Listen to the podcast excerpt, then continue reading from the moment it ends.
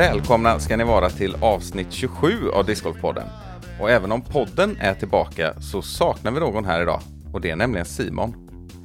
Han har råkat dra på sig en förkylning den här veckan och det är förstås en enorm förlust för podden. Men vi kör vidare och podden har fått flytta från Södergatan i Vänersborg till Holmängen i Vänersborg. Och nu sitter jag här alldeles ensam. Och så kan vi givetvis inte ha det. Jag har kopplat in en ersättare för dagen. Och jag tänker att vi ringer upp direkt. Den här gången säger vi välkommen till Mikael Buj som blir ersättare till Simon. Hur känns det? Absolut, det känns skitbra. Eh, andra gången i podden, eh, så det, det är kul. Är är jag den första som är, har varit i podden två gånger i rad nu eller? Ja, det stämmer bra. Du var ju med i avsnitt fyra om jag minns rätt. Mm. Ja, det var ganska tidigt i alla fall. Eh, ett vällyssnat avsnitt faktiskt. Kul. Dessutom. Så välkommen tillbaka då. Tack så mycket. Och det är ganska stora skor att fylla, och då menar jag inte minst bokstavligt, när det gäller Simon. Mm. Men det kommer du säkert lösa galant. Ja, vi hoppas det. Ja, och Simon hälsar så mycket också, får jag inte glömma bort att Ja. säga. Hälsa tillbaka. Ja, jag skulle vilja presentera dig som discgolf-entreprenör. Vad tycker du om det epitetet? Eh, Det stämmer nog ganska bra det. Jag håller på med rätt mycket som kanske inte syns i sociala medier just nu, så att eh, ja, det skulle jag nog kalla mig som just nu. För man kan ju säga många saker. Du är ju discgolfare och säkert en massa andra saker utanför det här också. Men eh, alltså, hur hinner du med allting? Det känns som att det var väldigt mycket på gång och väldigt mycket som man inte heller vet och som pågår och som kanske är i pipen, som många skulle säga. Ja, det, det undrar jag också. Eh, jag, eh, jag jobbar nog 80 timmar i veckan så att eh, det, det är nog därför. Arbetsnarkomat, jag vet inte. Jag jobbar dygnet runt i stort sett. Jag har ett vanligt jobb också där jag jobbar 40 timmar i veckan så att och just nu så har skrivit ett avtal med Degerfors kommun och, och bygga en discgolfbana. Och då snackar vi inte bara om design av discgolfbanan utan jag ska anlägga hela banan med allt som har med installation av korgar, tees, eh, trädfällning, eh, ja allt i stort sett. Så att eh, det det har ju varit väldigt spännande. Eh, från att inte kunna designa någonting alls i Paint till att kunna göra väldigt snygga hålkartor om jag får säga det själv. Så att eh, ja, det mycket jobb men eh, det, det är väldigt kul. Så att eh, det är väl egentligen det som, som har varit motiverande då. Och just när det gäller barnbyggeri och sådär, eller har du någon, vad ska man säga, hantverkarkunskap sedan tidigare? Eller liknande? Nej, det har jag inte heller. Alltså jag har ju den, den enda alltså, utbildningen, jag, jag är ju utbildad dataingenjör så jag, jag kan ju ingenting med, som, som har det här med eh, skogsvård och så. Alltså allt har jag lärt mig på den senaste tiden. Jag har ju tagit motorsågskörkort och jag har lärt mig allt som har med skogsvård att göra. Eh, jag har lärt mig om eh, snickeri och det, det, men det är ju ganska enkelt att bygga en tid. Det, det är inte, det, det krävs ingen hjärnkirurgi där inte och installera en korg. Det är inte heller speciellt avancerade grejer så att eh, men det är sådana grejer som jag har snappat upp och fått lära mig helt enkelt. Mm. Men Den här eh, banan i Degerfors, jag har ju sett lite svischa förbi här i sociala medier och så, men eh, tanken är väl att det är, eh, eller det, det ser ut att vara ett ganska ambitiöst projekt, eller att banan ska bli ganska eh, avancerad. Ja, det är ju mitt, eh, mitt första eh, bygge så att säga. Och jag vill ju ändå, ska mitt namn och mitt företags namn stå stämplat där så vill jag gärna att det ska vara en bra bana. Och det är ett väldigt fint område. Eh, det är väldigt kuperat. Det, det är i stort sett i en stor grop, eh, ungefär 20 hektar. Och där är ju tanken att eh, vi kommer köra att man kommer kunna köra fyra olika layouter på en bana. Eh, det har jag sett är väldigt vanligt i USA bland annat, där de har ja, två till tre tees och, och två till tre korgplaceringar. Eh, och, och tanken är just här att man ska ha två, en till två tees och en till två korgplaceringar på varje hål. Eh, och på det sättet kan man få fyra olika bansträckningar på fyra olika nivåer. Mm. Så det är ett ganska ambitiöst projekt. Där. Är tanken då eh, med korgplaceringen att man har varierar över året då, så att man har en korgplacering aktiv? Nej, liksom? det blir Ja. två permanenta. Så att vissa hål, men vissa hål har ju två permanenta korgplaceringar. Så att det blir ju lite mekigt där att eh, placera dem så att de inte är i linje av varandra. Så att man inte råkar... Ja, det är väl ganska kul att blackacea, men det är väl inte det som är meningen. Mm. Eh, så att, ja, permanenta korgar kommer det bli. Ja, det låter ganska avancerat. För jag tänker på Järva har ju haft det där eh, bland annat då att de byter, alltså flyttar korgarna liksom under tiden. Men det här, Mm. det här kräver ju Ja. ännu mer planering såklart. Ja, precis. Jag har hört att eh, discgolfterminalen har just den setupen bland annat. Men sen, jag var ju en tur i USA där jag spelade ganska mycket i Florida. Då var ju, det var ju mer eh, regel än undantag där att man, man kör just det upplägget. Och eh, jag skulle gissa det att USA är ju ganska långt i framkant när det kommer till utvecklingen av discgolf. Så att det är nog ganska bra att efterapa dem där, skulle jag nog säga. Mm. Vi har ju pratat en del i den här podden om eh, Swedish Disc Golf Pro Tour bland annat. Och det är ju din skapelse. Eh, kan, du, Ja. kan du berätta lite om hur det här har kommit till? För det är ju, det är ju första året med för den här touren. Ja, eh, det hela började ju egentligen med eh, Heatland Open förra året. För att tanken var helt enkelt att eh, mina ambitioner var att en gång per år vill jag arrangera en skitstor tävling som har massa med added propers och eh, ja, ska vara en jättestor tävling som vi håller i Värmland. Eh, och sen efter det eventet så tänkte jag, ja men eh, visst, det var, det var inte helt lätt och jag lärde mig en hel del och eh, sådär, men jag tyckte inte det var så jättekomplicerat att få ihop de, eh, den prispengen som fick det. Vi kom upp i ungefär över 60 000 kronor i added proper, så då hade jag inte lagt ner mig alldeles för mycket i att jaga sponsorer och sådär. Och då tänkte jag bara, men eh, det borde väl finnas en, en sorts proffstour här i Sverige som, som kan dela ut den här sortens pengar på alla tävlingar. För att jag sneglade lite på eh, våra eh, ja, eh, nationella touren och SM och sådär. Och, och där är det ju i princip eh, inga prispengar i, eh, i, inte i added proper, så det är knappt att de betalar ut 100% av anmälningsavgifterna. Så att eh, det var lite där jag kände att ja, men det måste nog finnas ett behov här, för att det är ju lite synd att man får prispengar och inte ens betala sin egen anmälningsavgift som det kan vara till exempel i NT där. Så att eh, Swedish Open har ju bland annat varit ett riktigt sånt där riktmål för mig att ja, men det här känns som en bra nivå på tävling när det gäller kvalitet och prispengar. Så det var egentligen där idén om, om STGPT föddes och det gick väldigt, väldigt snabbt kan jag säga. Eh, det tog nog eh, det tog nog bara några veckor så, så var det spikat att vi kommer köra en STGPT. Och jag snackade ganska mycket med eh, just förbundet. Anders Panser har jag varit mycket i snack med. Eh, Bengtsson, ja, ganska många av de här eh, toppspelarna. De, ja, men vad tycker ni? Är det, är det något som saknas här i Sverige? Och eh, alla har ju sagt så här att ja, men det saknas och eh, det finns lite planer. Någon funderar på att man kanske ska göra något sånt där, men eh, jag vet ju det att det brukar vara mycket snack med lite verkstad när det kommer till såna här grejer. Så att, och jag arbetar på ett helt annat sätt, så att jag, jag sa bara, ja, men jag, vi kör igång. Och så på två, tre veckor så hade jag en draft på hur hela upplägget skulle se ut med prispengar, platser och sådär. Så att eh, det gick väldigt snabbt framåt där. Ja, du, du får det att låta väldigt enkelt. Vi får flika in här att Anders Pantser är väl, han sitter i förbundsstyrelsen och eh, i tävlingskommittén i förbundet. Stämmer väl? Ja. Och Christian Bengtsson nämnde också, det vet alla vem det är. Om vet man inte så kan man få leva i ovisshet en liten stund till. men, eh, men och, fanns det någon tanke där då? För det här kontakten visste jag inte att du hade haft och så, men fanns det någonstans längs vägen en, en eh, tanke kring att det kunde blivit att du gjorde det i förbundets regi på något sätt? För nu driv, du, det här driver ju du som aktiebolag kan vi ju säga också. Ja. Ehm, nej, utan eh, jag, snack, jag snackade ganska mycket med Anders och, eh, och han sa ju själv att han har ju själv planer på att göra något liknande men inte exakt samma. Eh, men att han just nu inte har tid för det Mm. i och med att han, han driver ju NT och liksom hela den förbundsgrejen där. Så att då sa jag så här, men ja, då kan jag axla det då helt enkelt. Så att eh, jag körde igång lite och det var inte exakt så som han hade planerat, men det, det är ju så som jag hade planerat. Och, och, och min plan var egentligen att jag vill ha en, en svensk version av Disc Golf Pro Tour eh, som körs i USA. Då. Så det är just därför den heter Swedish Disc Golf Pro Tour, alltså SDGPT.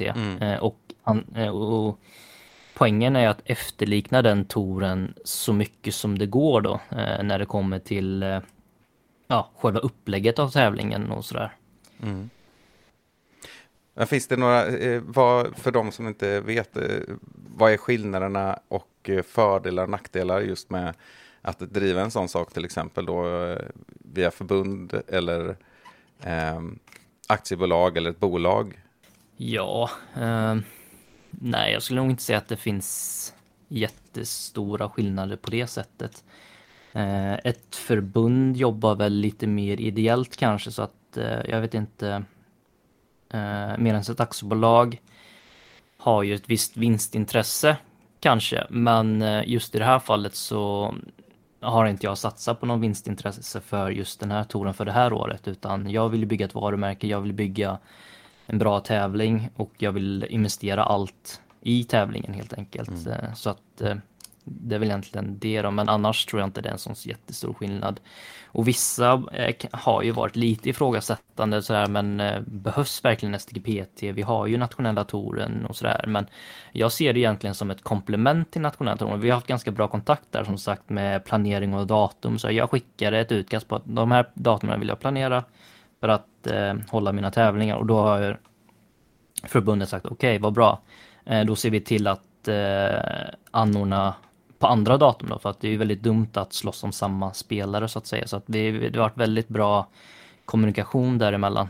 Eh, och, och jag ser att STGPT är ändå ett komplement till NT skulle jag säga. Vi, vi erbjuder bland annat inte eh, åldersklasser så att säga. Vi erbjuder inte junior eller MP40, MP50 eller något sånt där.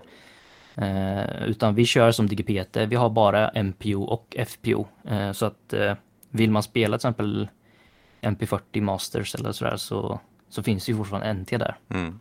Och det är det som är tanken. Jag och personligen, jag kan se en fördel också i att det blir fler stora tävlingar för de som tillhör lite mer toppen av, i, av spelarna i Sverige också. Det som har hänt på senare år, tänker jag, är ju att det har dykt upp så otroligt mycket och proffsigare tävlingar för amatörer, vilket är otroligt viktigt och, och bra på många sätt. Samtidigt som det har känts som att det blir väldigt svårt, alltså toppspelarna kanske har ett par tävlingar per år egentligen. Och det har varit förbundstävlingarna. Det skadar ju inte att, att det är fler sådana och fler spridda över året också. Absolut. Och det, och det är lite det som är poängen. Att, mitt mål är ju att eh, kunna erbjuda en tour där eh, proffsen i Sverige ska i alla fall till en början eh, kunna deltidsleva på sporten. Men sen över sikt då är att man ska kunna leva på sporten helt och hållet. Det är ju där mina ambitioner ligger. Ja, och sen, sen kan jag tänka mig också, finns det en tanke kring att eh, ta upp konkurrensen med grannländerna också? För att inte toppspelarna i Sverige nödvändigtvis ska åka bara till Finland och Danmark vissa delar av året och sådär. Eh, ja, det har ju inte riktigt slagit med tanken, men visst. Nej, jag vet inte om konkurrensen är så hård. Det är, det är väl delar av året bara kanske. European Open blir svår att, att, att kon- konkurrera med för alla, gissar jag. Men eh, det är kanske inte så himla mycket andra finska tävlingar som svenska spelare har åkt på, när jag tänker efter. Nej, utan när jag har planerat de här datumen, då har jag ju kollat efter eh, Eurotour och European Pro Tour och sen har vi haft eh, samarbete med, med förbundet där, så det är egentligen där eh, planeringen har legat och sen vilka, till exempel norska nationella touren eller Prodigy Tour i Finland, det är inget jag har tagit i åtanke när jag har eh, planerat datumen sådär. Nej. Och redan i första deltävlingen så har vi ju stjärnstatus. Har vi redan pratat om här i ett avsnitt ganska nyligen. Eh, Nicolo Castro kommer till Lundbyparken. Hur Mm. har detta gått till? Ja, ehm, ja, jag fick ju samma fråga ehm, när jag fick hit Philo. Bara, men hur fick du hit Philo? så att eh, det är väl egentligen samma svar där, utan så att jag, eh, äh, men jag kontaktar dem bara på eh, till exempel Instagram eller skicka mail, ringer de i värsta fall också ibland. Eh, och så här, Nico är inte den, den enda jag har kontaktat så att säga. Jag har ju kontaktat i stort sett alla. Och jag har fortfarande ganska bra kontakt med många av de här proffsen som har visat intresse. Och det börjar helt enkelt med att jag skickar bara men finns det ett, ett intresse för dig att komma till Sverige eh, och köra typ någon sorts promotional tour? För att eh, det är väl lite det det handlar om att eh, de vill kanske utöka sitt brand till, eh, till Sverige, till Norden. Eh, samtidigt som de får en, en trevlig resa. Eh, både Filo och Nico är ju eh, sådana här, de, de tycker om att resa. Så de ser ju det som, som en semester och även en chans till att eh, utvidga sitt brand sina, och göra reklam för sina sponsorer men eh, samtidigt även tjäna en ganska bra slant ändå. Mm. Eh, exempel när jag hade Filo över så vi höll ju en hel del clinics som var väldigt uppskattade. Eh, vi sålde lite signerade diskar och, och allt sånt där gick ju till Filo själv då och då sa jag det till Nico att ja, vi kan göra något liknande där där vi sätter upp lite clinics, säljer lite diskar, gör lite promos kring dig och dina sponsorer och det nappar faktiskt de flesta på. Eh, Jag var ju en sväng i USA här som jag berättade tidigare. Och eh, där var jag ju snackade lite med Greg Barsby, träffade han och så träffade jag eh, Thomas Gilbert och Casey Wilde, ja, några proffs där ute och snackade lite så här, men, men vill ni komma till Sverige någon gång så kan vi göra en sån här grej, eh, promotional tour, vad jag brukar kalla det, så att det brukar vara ganska uppskattat. Är det så att vi, det kan hända att det blir någon mer internationell gästspelare på ytterligare någon deltävling senare? Ja, det, är, det finns eventuellt planer på att eh, få in någon mer topp 10 spelare. Mm. Eh, Det är inte helt spikat än, men eh, eh, jag kan väl säga det att det är många, många från USA som har planerat in en längre resa till Europa i juli, augusti där i samband med European Open. Så att eh, det kan hända någonting att vi får in någon storspelare där på någon av deltävlingarna där. Just nu har vi planerat Swedish Open och eh, Stockholm Disc Golf Open i, i de trakterna. Så att det, det är inte helt omöjligt att vi kommer se något där. Spännande. Det bör ju vara attraktivt för många spelare att komma till Ymegården också, där Swedish Open spelas, i Borås. Kan tänka mig att det ändå har ett väldigt gott rykte även internationellt när man börjar fråga, fråga runt. Absolut. Eh, och eh, man ska ju inte sticka under stolen med Stockholm Disc Golf Open eller SDGO, för den har ju funnits väldigt länge. Mm. Och där har vi haft storspel som David Feldberg och, och många andra världsstjärnor som har spelat just den, den tävlingen. Så det är ju ändå ett välkänt namn som har funnits med väldigt, väldigt länge. Mm. Som Jonas Löf har drivit väldigt länge och sådär. Så att eh, kul att den kommer tillbaka. Ja, och där är det väl många, nästan de flesta i alla fall, utav de som var aktiva och stora, eller de flesta vet jag inte, men i alla fall fram till eh, 2015 och så vidare. Jag vet Jeremy Colling och Greg, Greg Barsby som du nämnde har ju också varit där vet jag. Mm. Och Lisotte och flera andra. Men redan i andra deltävlingen då, om man hoppar från Lundbyparken och Nicola Castro, då går vi ju in i ett dubbelarrangemang kan man säga. För då är det Heatland Open som även har status som Eurotour. Mm. Det stämmer. Hur har detta gått till? Um, nej, jag snackade med PG, PDG Europa förra året redan, för jag försökte få, eller jag snackade lite med honom om det skulle vara möjligt att få med Heatland Open som Eurotour redan förra året, men då eh, la de ju ner Eurotour helt enkelt för, på grund av Corona då, så att, eh, men, men då snackade vi om att planera inför 2022 istället. Och eh, han tyckte att jag var väldigt ambitiös, eh, speciellt när han kom med det där med Added Pro eh, Purse-delen. Eh, jag hade lovat honom 150 000 kronor i Added Pro Purse, vilket är historiska summor. Vi har nog inte sett någon så höga summor förut. Eh, så att eh, det tyckte han var väldigt bra. Och eh, eh, ja, så att eh, nej, det, det blev bara så i stort sett. Jag lämnade in en, en, en ansökan och den blev godkänd. Ja, vi får nästan återkomma till det här med sponsorerna. Du upplevde ju som att det var ganska lätt förra året. Det är ju ofta det som många arrangörer upplever som svårast och sådär. Vad är det för typ av sponsorer du har fått med i år då, om vi håller oss till det? Eh. Ja, jag ska inte säga att det är lätt, eh, för att det är ett väldigt hästjobb att jaga sponsorer. Eh, det handlar om numbers game i stort sett. Jag kanske skickar iväg 20 mejl. Säg det kan vara så att oftast brukar man ha kategorier kan man säga, speciellt när det kommer till sponsorer som är utanför sporten. Eh, säg att jag vill ha en, en dryckessponsor. Ja, men då kanske jag skickar en sponsorfrågan till 20 olika företag som, som har med dryck att göra. Och kanske två visar intresse och en vill gå ett steg vidare. Mm. Och det blir ju en hel del kontakt och sådär. Men, men till slut så landar man ju i det och, och, och, och hittar en sponsor där. Eh, så att det är väl egentligen så det går till. Det är där 80 timmars veckorna kommer in också. Exakt. Ja. Jo, men vad, är det där vi har landat också nu? Är det, hur stora ser summorna ut i de här deltävlingarna? Om vi tar Lundbyparken och Hitland Open till att börja med. Är det, är det ett hopp där förresten? Vad innebär den här, just att det blir en Eurotour? Eh, vad innebär det i praktiken för evenemanget jämfört kanske med Lundbyparken då?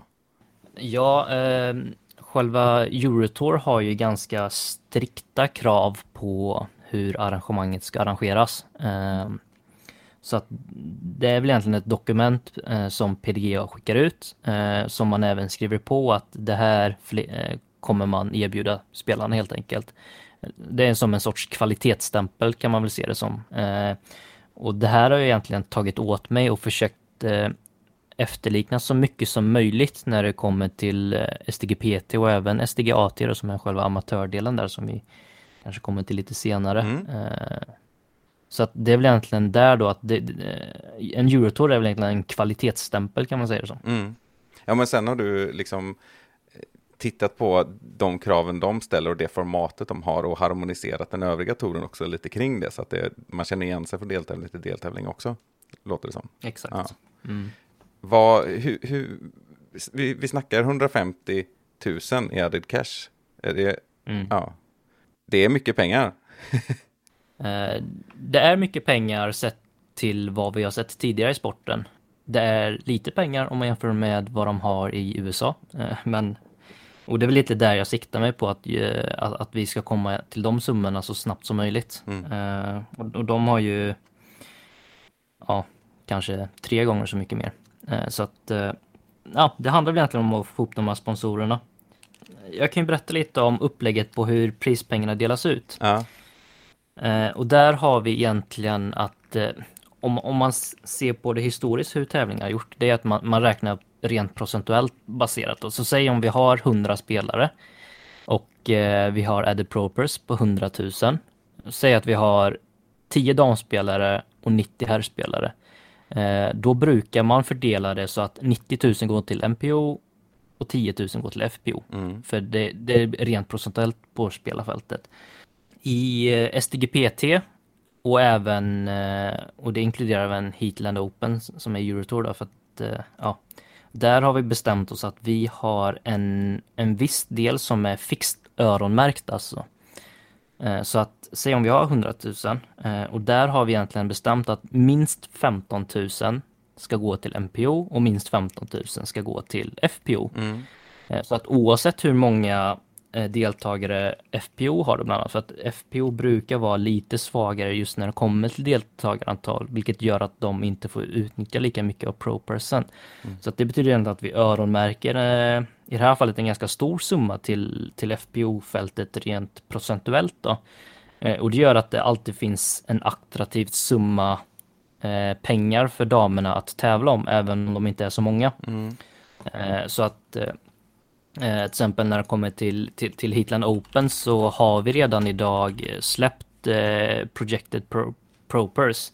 Mm. Eh, och där ser det ut som så att eh, vinnaren av FPO kommer att få ungefär 20 000 kronor. Mm. Det är ganska bra med tanke på att det just nu är sex eh, damer anmälda bara. Ja, just det. Och andra plats kommer vinna 10 000. Så att, ja. Mm. Och hur, hur många anmälda är det i MPO där? Vi har 138 just nu. Det, det är fullt fält. Ja. Eh, Så att vi har ju 144 anmälda just nu. Och vad, vad, hur- ser eh, den preliminära vinstsumman ut där då för, för vinnaren i MPO? Eh, Vinnaren i MPO får, nu är det här högst preliminärt då, men, men, men vinnaren får eh, 2710 euro, så ungefär 27 000. Mm. Och där är det helt enkelt, eh, Jag har satt, eh, PDGA brukar rekommendera mellan 25 till 33 procent av fältet får betalt. Och där har jag satt just nu att 33 procent av fältet får betalt. Så att topp 46 kommer få pengar då. Eh, och den som kommer sist på pengarna på 46 platsen kommer få ungefär 2800 kronor. Så att det är ändå dubbla din anmälningsavgift. Eh, så att ja, det är så det ser ut. Mm. Ja, det är, det är mycket pengar. Har, känner du till om det har varit så stora pengar tidigare? Nej, eh, jag tror, nej, det, det, är nog rekord när det kommer till eh, svensk nivå, skulle jag nog säga. Ja. Eh, med råge, för att jag tror till och med att Heatland Open förra året slog rekord. Och nu har vi tre gånger så mycket mer i Adder så att det är nog ganska bra. Och, och, och eh, vill nämna det att även, eh, även om Heatland Open har slagit på stort där så har killarna på, på Ymer och Swedish, Swedish Open eh, gjort ett riktigt testjobb för att eh, locka in sponsorer. Mm. Eh, där, har vi, där har vi lovat minst 100 000 i Added Propers. Och vi tror att det kommer nog smyga upp mot kanske 120 000. Eh, och det, det är ju dit vi är på väg liksom. Det, Eh, förra året så var det 60 000 och det var rekord och nu har vi liksom dubblat det på ett år så att eh, det ser ljust ut för proffsen i discgolf Sverige. Ja, verkligen. Och det här är ju också en chans för många att komma och titta på, på eh, stora spelare. Eh, man kan ju tänka sig att det kommer att bli en viss rusning också till Lundbyparken där. Eh, när man har chansen att få se Nicolo Castro. Men det är ju inte bara, det är inte bara som publik man har möjlighet här. Det, du var inne på det där. Det finns ju då också Swedish Disc Golf Amateur Tour. Så kopplat till detta. Ja. Eh, och som jag förstår det, då, då, spelas ju många av de här tävlingarna, eh, inte alla, men vissa, samma helg också. På ett sätt. Och det här mm. upplägget får du gärna gå igenom. För att då är väl tanken att de som spelar i amatörklasserna också ska kunna titta på eh, de som spelar i openklasserna. Ja, men precis. Det, det, finns egentligen många punkter till varför eh, det är naturligt att man har en amatörtour som spelas i de flesta fall samma helg och samma bana. Eh, det blir helt enkelt en symbios mellan amatörerna och proffsen och, och det finns eh, ett gäng antal olika anledningar. Den första är att amatörerna oftast gärna ställer upp som till exempel volontärer, vilket gör att eh, proffs, eh, själva provdelen blir högre kvalitet. Eh, de agerar även eh, publik i många fall, vilket också driver på den här känslan om att eh, det är lite mer proffsigt. Mm. Eh, och sen det är en till del också, det är ju med sponsorerna för att det är en hel del sponsorer, speciellt diskåterförsäljare och sånt där Eh, de vill ju vara med och sponsra och även finnas på plats och synas och, och, och sälja disk. Eh, det är ju majoriteten är det ju amatörerna som, som handlar disk. I och med att de flesta proffsen är ju sponsrade och har oftast det som de behöver redan. Mm. Och sen eh, den fjärde delen är väl egentligen att idag, tyvärr, så sponsrar de flesta företagen endast i produkter. Och de här produkterna går ju inte egentligen att eh, få något värde. Det går inte att exponera dem mot eh, proffsen på samma sätt. Så att säg, säg om eh, Discmania säger att ja, men vi kan sponsra med ett spelarpaket att alla spelare får två diskar till exempel. Mm. Det, ger ju, det ger ju egentligen inget värde till proffsen egentligen om man skulle skicka med två diskar till proffsen.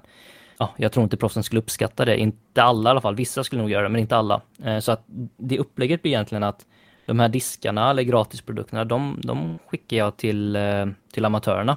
Och så tar jag till exempel, säg om amatörerna får diskar värde 400 spänn eller 300 spänn eller vad det kan vara, men då kan jag ta de här 300 kronorna och skjuta dem mot, eh, mot proffsen istället. Mm. Eh, och på det sättet så blir det en sorts symbios där att alla får eh, värde för sina pengar. MPO får värde i form av eh, bra medipropers medan amatörerna får eh, riktigt schyssta eh, prylar från sponsorerna.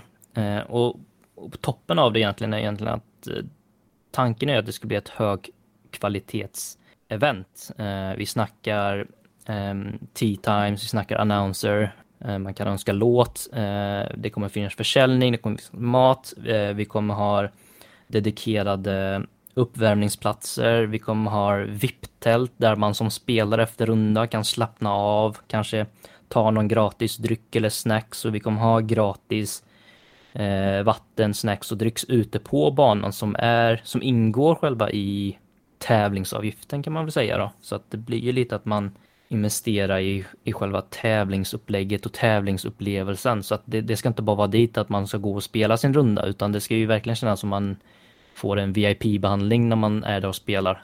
Mm. Både som amatör och proffs då. Ja, precis. Så det, det, där har du ju räknat upp lite vad man kan förvänta sig då som eh, amatörspelare eller deltagare i amatördelen av tävlingarna. Liksom. Vad, Mm. Hur har det sett ut, eh, uppslutningen här och anmälningarna till de tävlingarna? För det har jag inte helt koll på. Uh, Lundbyparken är i stort sett full. Mm. Eh, jag tror det är typ två platser kvar. Så att när det här avsnittet har släppts så är det väl säkert fullt skulle jag. Mm. Vi har några få reserverade platser kvar som kommer släppas och sådär men uh, Lundbyparken är i stort sett full.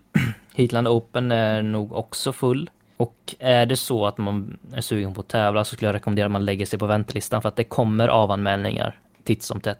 Eh, Så att eh, så ja, vänta inte och tro att det är helt kört. För att sätta dig på väntlistan så kommer det finnas möjlighet att, att man får en plats. Mm. Eh, sen har vi Swedish Open.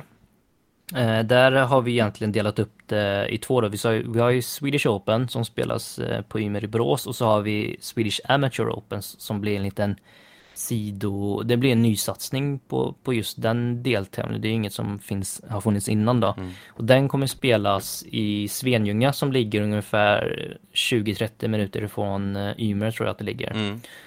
Eh, och det är en ganska ny bana. Jag tror Back Nine är ganska ny så som jag förstod det. Så att eh, ja, det ska bli spännande att se eh, vad de kan leverera. Men just den deltävlingen finns det ganska mycket plats kvar till. Den spelas ju i juli så att det är ju en bit kvar tills dess. Men det är ungefär en 90 platser kvar då av 144. Mm. Och där kan jag ju lägga en liten teaser där att Eh, det kommer vara ett riktigt grymt spelarpaket. Ehm, det är Discmania som är titelsponsor av eh, både Swedish Open och Swedish Amateur Open och där har de lovat eh, limiterade diskar. Eh, jag kan säga att det kommer vara diskar som man inte kommer kunna köpa i butik och som antagligen inte kommer släppas. Eh, Så att det kommer ju bli någon sorts signatur kanske. Någon plastblandning som inte funnits innan. Kanske någon ny mold som inte har släppts än. Eh, vem vet? Jag vet, men jag kan säga att eh, det kommer vara väl värt pengarna. Ja, det låter, ju, det låter ju helt klart som någonting som brukar kunna dra intresse till sig. Vi vet ju hur det är runt Discmania-släppen de senaste åren Mm. egentligen. Eh, och där gäller det nog, jag, jag skulle ju tro här, jag är ganska förvånad över att det är så pass mycket platser kvar. Nu ligger den ju en bit fram i tiden och sådär också. Men ändå, med tanke på hur mycket spelare det finns bara i det området, nära geografiskt, så lär de där platserna gå åt ganska fort också. Mm. Ja, ja, men precis. Åtminstone efter det här. Ja, sen eh, kan jag ju nämna det, ja, vi behöver inte ge- göra jättemycket reklam för Heatland Open med tanke på att det är fullt där, men eh, där har vi också fått ihop ett riktigt, riktigt bra spelarpaket. Och det är väl egentligen det som är själva upplägget också med just amatörerna. Att vi, vi, vi kör en så kallad true amateur event som PDGA kallar det. Och, och det handlar egentligen om att vi, vi har i stort sett inga priser till, till vinnarna av tävlingen, utan det, det är en symbolisk eh, trofé som man vinner om man vinner eh, sin division då. Så att istället så satsar vi på själva spelupplevelsen som jag pratade om, men även att alla spelarna får ett spelarpaket. Mm. Eh, och det här spelarpaketet är, eh, har vi satt att det ska vara minst värt anmälningsavgiften. Så att om, ett, om anmälningsavgiften är 400 kronor, då kommer du få ett spelarpaket värde minst 400 kronor. Men i, i många fall så, så har vi fixat det att spelarpaketen kommer vara värda bra mycket mer än anmälningsavgiften. I vissa fall två till tre gånger anmälningsavgiften. Och i Heatland Open har vi bland annat fixat så att eh, där har ju Anders på Kasta Plast eh, fixat riktigt grymma, grymma grejer och, och vi vet ju vad de här First Run-diskarna har gått för. Vi har ju sett järn här på senaste och jag kan ju säga att det kommer nog vara minst lika grymma grejer till Heatland Open, om inte ännu grymmare, i och med att det kommer vara ännu limiterade grejer. Mm. Och eh, volontärerna där kommer ju få riktigt schyssta grejer då. Så att eh, det är också en liten krok ut om man, om man vill hjälpa till med evenemanget och vara ara- eh, volontär för eventet så kommer man kunna få riktigt schyssta volontärsgrejer. Mm.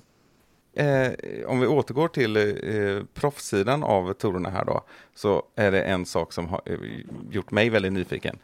Jag vet ju inte om det är någonting eh, fastställt eller som går att avslöja när det gäller tid eller plats och sådär. Men oavsett så är det intressant att höra. Till Swedish Disc Golf Pro Tour så har du en, ett Tour Championship, en avslutande deltävling Mm. där bara ett visst antal ur totalställningen då kommer få vara med. Kan du berätta lite om detta, hur många som får vara med och hur tanken är kring upplägget där? Ja, tanken är väl egentligen att det ska vara exakt samma upplägg som DGPT Championship. Mm. Eh, Så att eh, man kommer få kvala in sig till tävlingen och det kommer vara gratis. eh, Så att ingen användningsavgift eller någonting utan det kommer vara en invitational only. Och man kommer samla poäng eh, exakt som man gör i DGPT baserat på hur man placerar på varje enskild deltävling i både STGPT och eh, STGAT för amatörerna. Och där kommer vi ha mellan 16 till 8 personer i varje division. Och NPO kommer ha 16 men de andra klasserna kommer ha run- runt 8 ungefär. Mm. Eh, Det beror på lite på hur många spelare vi har och sådär. Men någonstans i de slängarna. Och sen kommer vi ha minst 100 000 i, i prisbordet då som man kommer få tävla om. Och där är också tanken att vi kommer köra likt DGPT, att det kommer vara garanterade priser eller prispengar till alla som deltar. Eh, och eh, man kommer bli sidad baserat på sin ställning eh, och sådär. Så att det kommer vara exakt samma upplägg som, som DGPT. Tävlingen kommer spelas eh, i slutet av året. Eh, nu har vi inte spikat exakt datum än, men det kommer vara någonstans i september eller oktober oktober. Någonstans i Mellansverige kan man väl avslöja. Ja, ja, för just det, för den sista deltävlingen då, den sjätte deltävlingen, eh, är i Skellefteå andra helgen eller liknande i september då. Så det blir efter det Japp. i alla fall. Ja. Ja. Jag tycker det låter väldigt spännande, men eh, har du fått någon sån här feedback på detta från några andra spelare just kring det konceptet, eh, hur det kan tänkas falla ut? Ja, eh, in, i planeringsfasen så skickar jag ut ett frågeformulär till eh, ja, kan det vara topp 50 av eh, Sverigeeliten. Eh, jag tror jag skickar ut det till dig också, Mm. Rickard, skulle jag minnas. Ja, Och där skickar jag ut lite kring det här upplägget på mm, vad man tycker och vad man tror om, om upplägget och det togs emot väldigt bra skulle jag säga. Så att, nej, men det, det var bra. Och sen eh, på samma sätt som DGPT så kommer vi även ut, vi kommer ha lite utmärkelse. Eh, Till exempel eh, Tour Points Champion, Player of the Year, Amateur of the Year, Rookie of the Year. Eh, och sådär, så att eh, det kommer ju vara lite sådana utmärkelser också som själva touren utser då. Mm. Hur, hur kommer det här, eh, hur kommer mediadelen eh, av detta se ut? Har, har, har, förra året så var det ju en internationell YouTube-kanal som sände från Heatland i alla fall, vet jag. Mm. Eller som spelade in på Heatland ska man väl säga. Eh, Hur ser det ut i år? Kommer det vara ett eh, filmteam på plats vid varje deltävling? Ja, tanken är att ha minst, minst ett eh, filmteam på plats. Eh, och även där då så vill vi även satsa på FPO då, för att det var väldigt dåligt med FPO-coverage rent generellt när det kommer till till svensk discgolf, både NTSM och sådär. Det har ju funnits lite grann sådär har jag sett, men eh, inte så jättemycket. Så det är egentligen där jag vill även satsa på att det ska finnas eh, post-production av FPO-spelarna. Och där har vi eh, eh, vi har lite olika team så att det kommer ju vara lite olika eh, beroende på deltävlingar så, här. så att vi har ju bland annat Gogish eh, Production som kommer vara och producera en hel del post-production. Eh, vi kommer ha Highland Disc Golf Productions som kommer bland annat filma Swedish Open. Mm. Eh, och det är ju två, ja vad ska man säga, eh, två kanaler som, som är välkända sedan tidigare som, som har producerat discgolf tidigare. Och är ändå lite etablerade och har erfarenhet när det kommer till discgolf coverage så att säga. Sen till Heatland Open då så har vi ju där är det egentligen PDGA som, som har rättighet, mediarättigheter så att de kommer ju lösa eh, mediabiten där, så där kommer det vara ännu mer. Vi kommer ha både lead card, chase card, både för MPO och FPO. Så att, eh, det kommer finnas ganska mycket där. Häftigt. Vad, vad, vad är tanken i tidsram sådär från eh, hur långt efter kommer det här komma ut? För att vi, många blir bortskämda med eh, Jomes som kommer dagen efter och Gatekeeper Media och all, allt vad de heter. Eh, den tidsramen är ju kanske inte rimlig såklart, eh, men vad, finns det någon, har, ni, har ni diskuterat den typen av, eh, någon typ av tidsram? Ja, eh, vi, eh, vi siktar ju faktiskt på next day coverage eller inom de närmsta dagarna kan man säga. Eh, max två veckor skulle jag säga. Men vi vill sikta på next day coverage, men sen vet jag att det är extremt mycket jobb för att få ut eh, post production dagen efter. Mm. Eh, man kan väl säga att eh, ja, det, det, det tar kanske en åtta timmar att producera liksom en back nine, front nine, om, om, en, om ens det räcker. Mm. Eh, och är man till exempel bara en person som redigerar, ja men då tar det liksom dubbelt så lång tid. Så att det är väldigt svårt och väldigt tufft att få ihop det. Och sen samt efter produktionen är klar, då ska du få in commentators och clipping commentators. Så att det, det är ett väldigt stort jobb att, att få in next day coverage vet jag. Men vi vill sikta på att få det inom de närmsta dagarna i alla fall, så att det är hyfsat färskt. Mm. Spännande allt detta. Och jag tror att vi får börja tänka på refrängen för att variera sig lite med hur jag och Simon brukar uttrycka det när vi ska avsluta avsnitten. Men jag tror att vi kommer att ha anledning att återkomma ganska mycket till den här touren under året. Det kommer att vara ständigt aktuellt från starten där i april-maj. Dessutom så kommer ju jag och Simon vara på plats på flera av de här deltävlingarna i alla fall, båda två. Och då Mm. kommer vi också försöka fånga upp både den ena och den andra och ha med i podden såklart.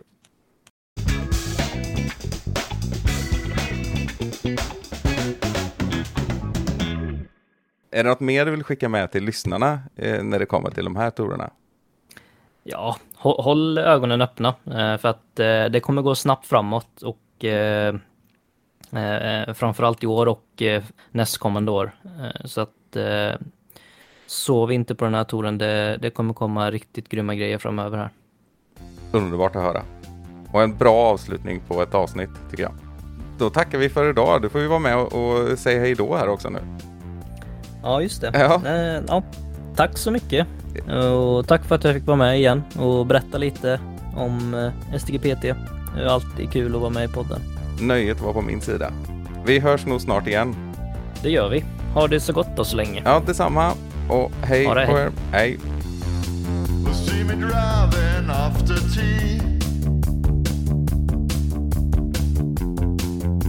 Weather's looking